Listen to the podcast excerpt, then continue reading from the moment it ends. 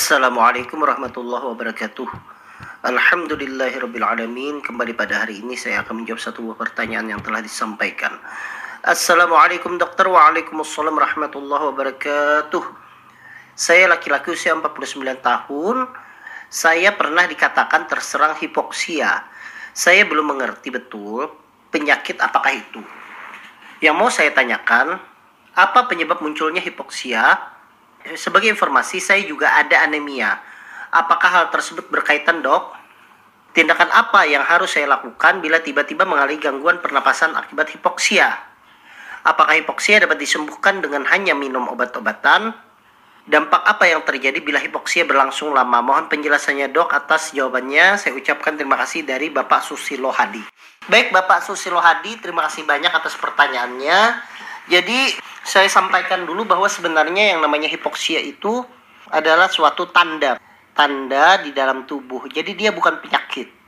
Berbeda dengan yang namanya misalnya uh, tipoid misalnya atau tipes itu adalah penyakit misalnya lagi misalnya demam berdarah atau diabetes mellitus atau kencing manis itu penyakit tapi kalau hipoksia itu adalah suatu tanda tanda yang ada di dalam tubuh terdapatnya gangguan jadi apa itu yang namanya hipoksia hipoksia itu adalah suatu keadaan di mana darah itu kekurangan kadar oksigen di mana akhirnya terjadinya hipoksemia di mana jaringan itu menjadi kekurangan oksigen.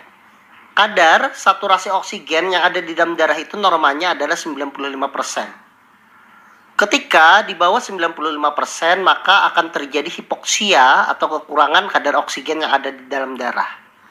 Kenapa penyebabnya ini muncul? Jadi seperti yang saya sampaikan tadi bahwa hipoksia itu bukan diagnosa.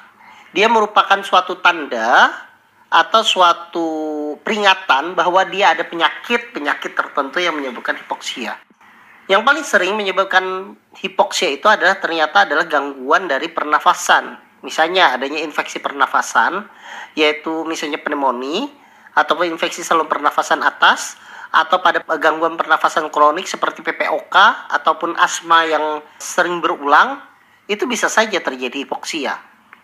Atau misalnya adanya keganasan, kanker pada paru, ada cairan di paru, itu juga sering menyebabkan hipoksia yaitu kadar oksigen di dalam darah yang kurang. Ada penyakit yang non paru yang juga sering menyebabkan terjadinya hipoksia. Seperti misalnya infeksi sistemik atau infeksi menyeluruh di seluruh tubuh.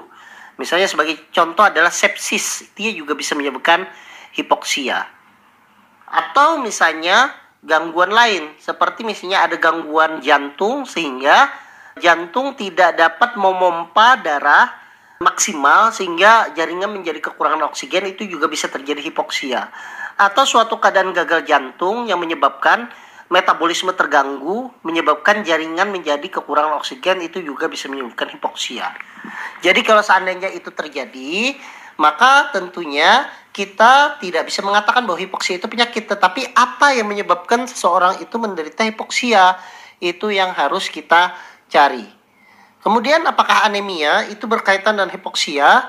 Kalau anemianya itu akut, maksudnya itu sebelumnya HB-nya bagus 14 atau 15 atau 13, kemudian tiba-tiba kena ada perdarahan yang sangat banyak, sangat masif, sehingga HB-nya itu berubah menjadi 6, ya mungkin saja dia menyebabkan terjadinya hipoksia.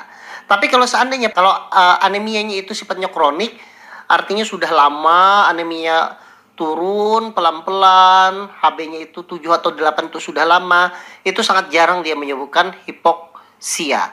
Jadi bisa saja anemia itu terjadi hipoksia tapi dalam keadaan penurunan yang cepat dan drastis. Kalau seandainya penurunan itu sifatnya itu lama, kronik, biasanya tidak akan menyebabkan terjadinya hipoksia. Tindakan apa yang harus dilakukan bila tiba-tiba mengalami gangguan pernafasan akibat hipoksia? Jadi ini sebenarnya pertanyaannya terbalik ya. Jadi apa yang harus dilakukan bila terjadi hipoksia ya akibat gangguan pernafasan? Itu yang betul. Maka bantuan oksigenasi.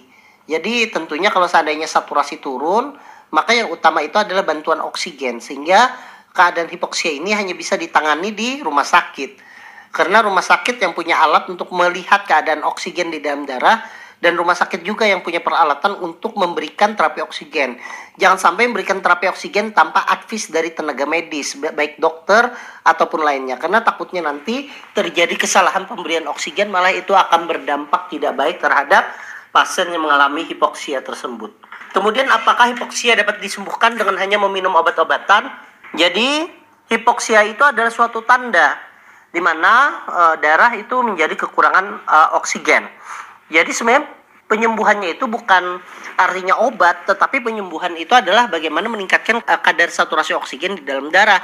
Misalnya contohnya adalah kalau dia memang karena uh, asupan oksigen yang kurang diberikan oksigen.